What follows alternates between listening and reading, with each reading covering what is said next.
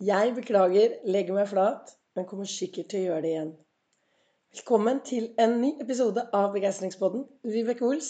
Jeg driver Ols Begeistring. Jeg er en farverik foredragsholder. Mentaltrener. Kaller meg begeistringstrener og brenner etter å få flere til å tørre å være stjerne i eget liv. I mai startet jeg opp med å sende daglige podkastepisoder, og det har jeg tenkt å fortsette med. Det, var, eh, det er liksom min lille avtale med meg selv. Det som har skjedd, er at jeg har jo da nesten mistet stemmen. Men jeg dro ut på en sykkeltur i dag morges og tror faktisk at jeg fant den igjen langt ute i Folloland. Så her sitter jeg. Og ja, jeg beklager. Legger meg flat, men kommer sikkert til å gjøre det igjen.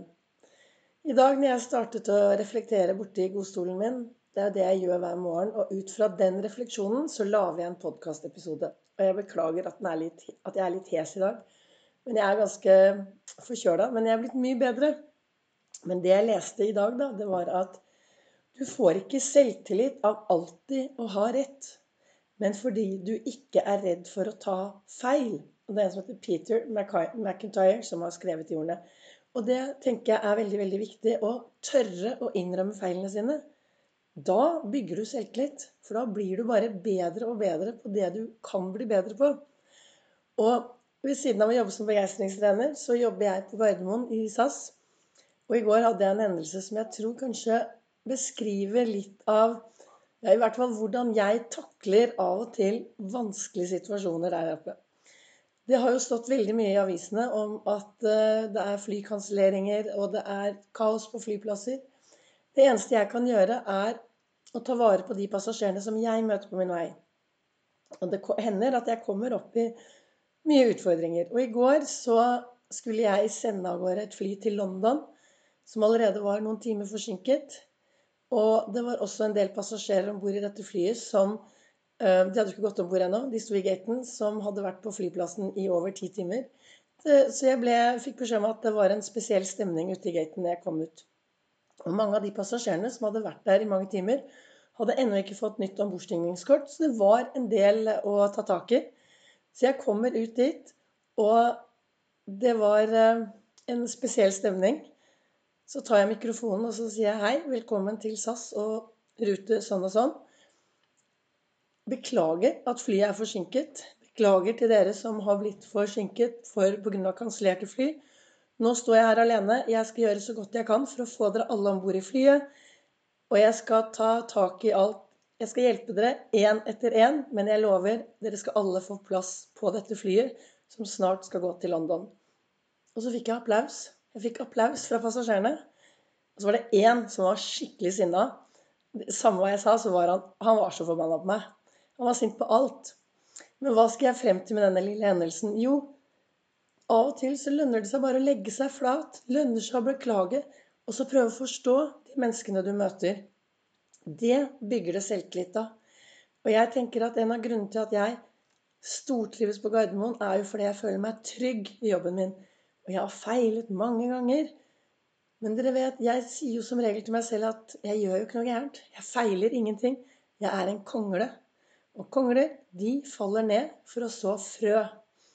Så hver gang jeg gjør noe jeg skulle ønske jeg kunne ha gjort på en annen måte, så stopper jeg opp, og så sier jeg til meg selv Hm, hva kunne jeg gjort annerledes? Hvordan kan jeg takle dette annerledes neste gang jeg opplever noe lignende?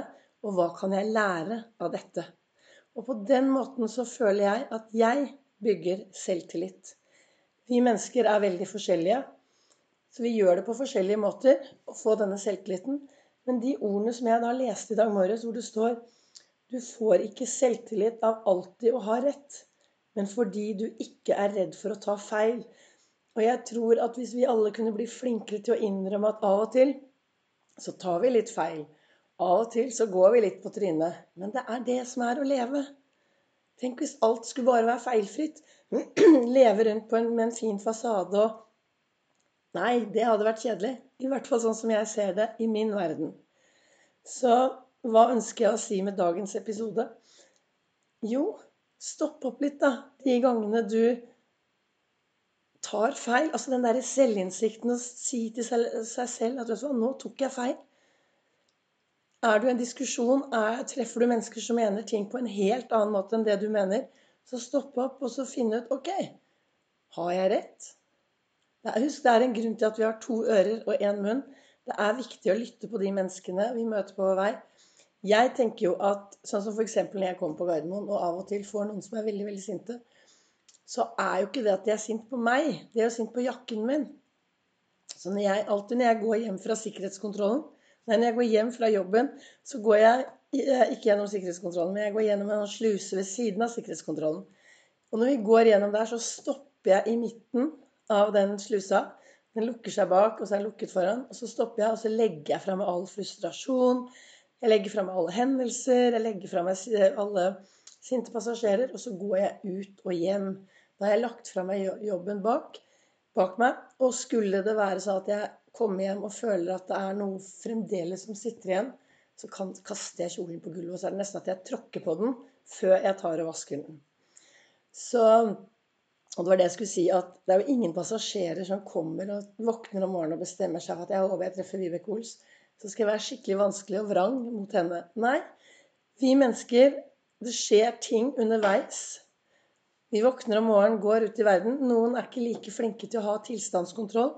Det jeg kaller det når du klarer å starte dagen din i en god tilstand.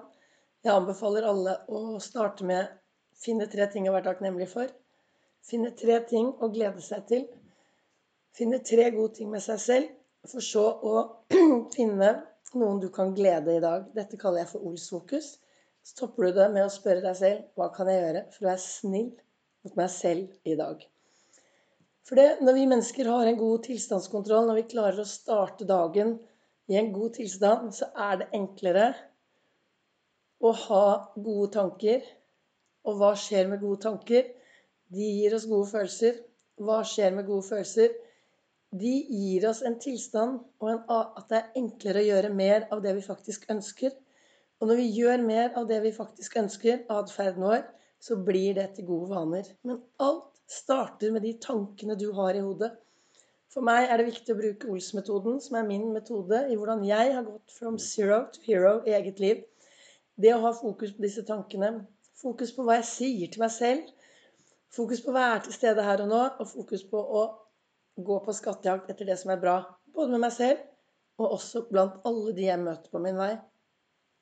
Så disse hendene i går Jeg har hatt eh, to heftige dager på Gardermoen. Tre dager på Gardermoen.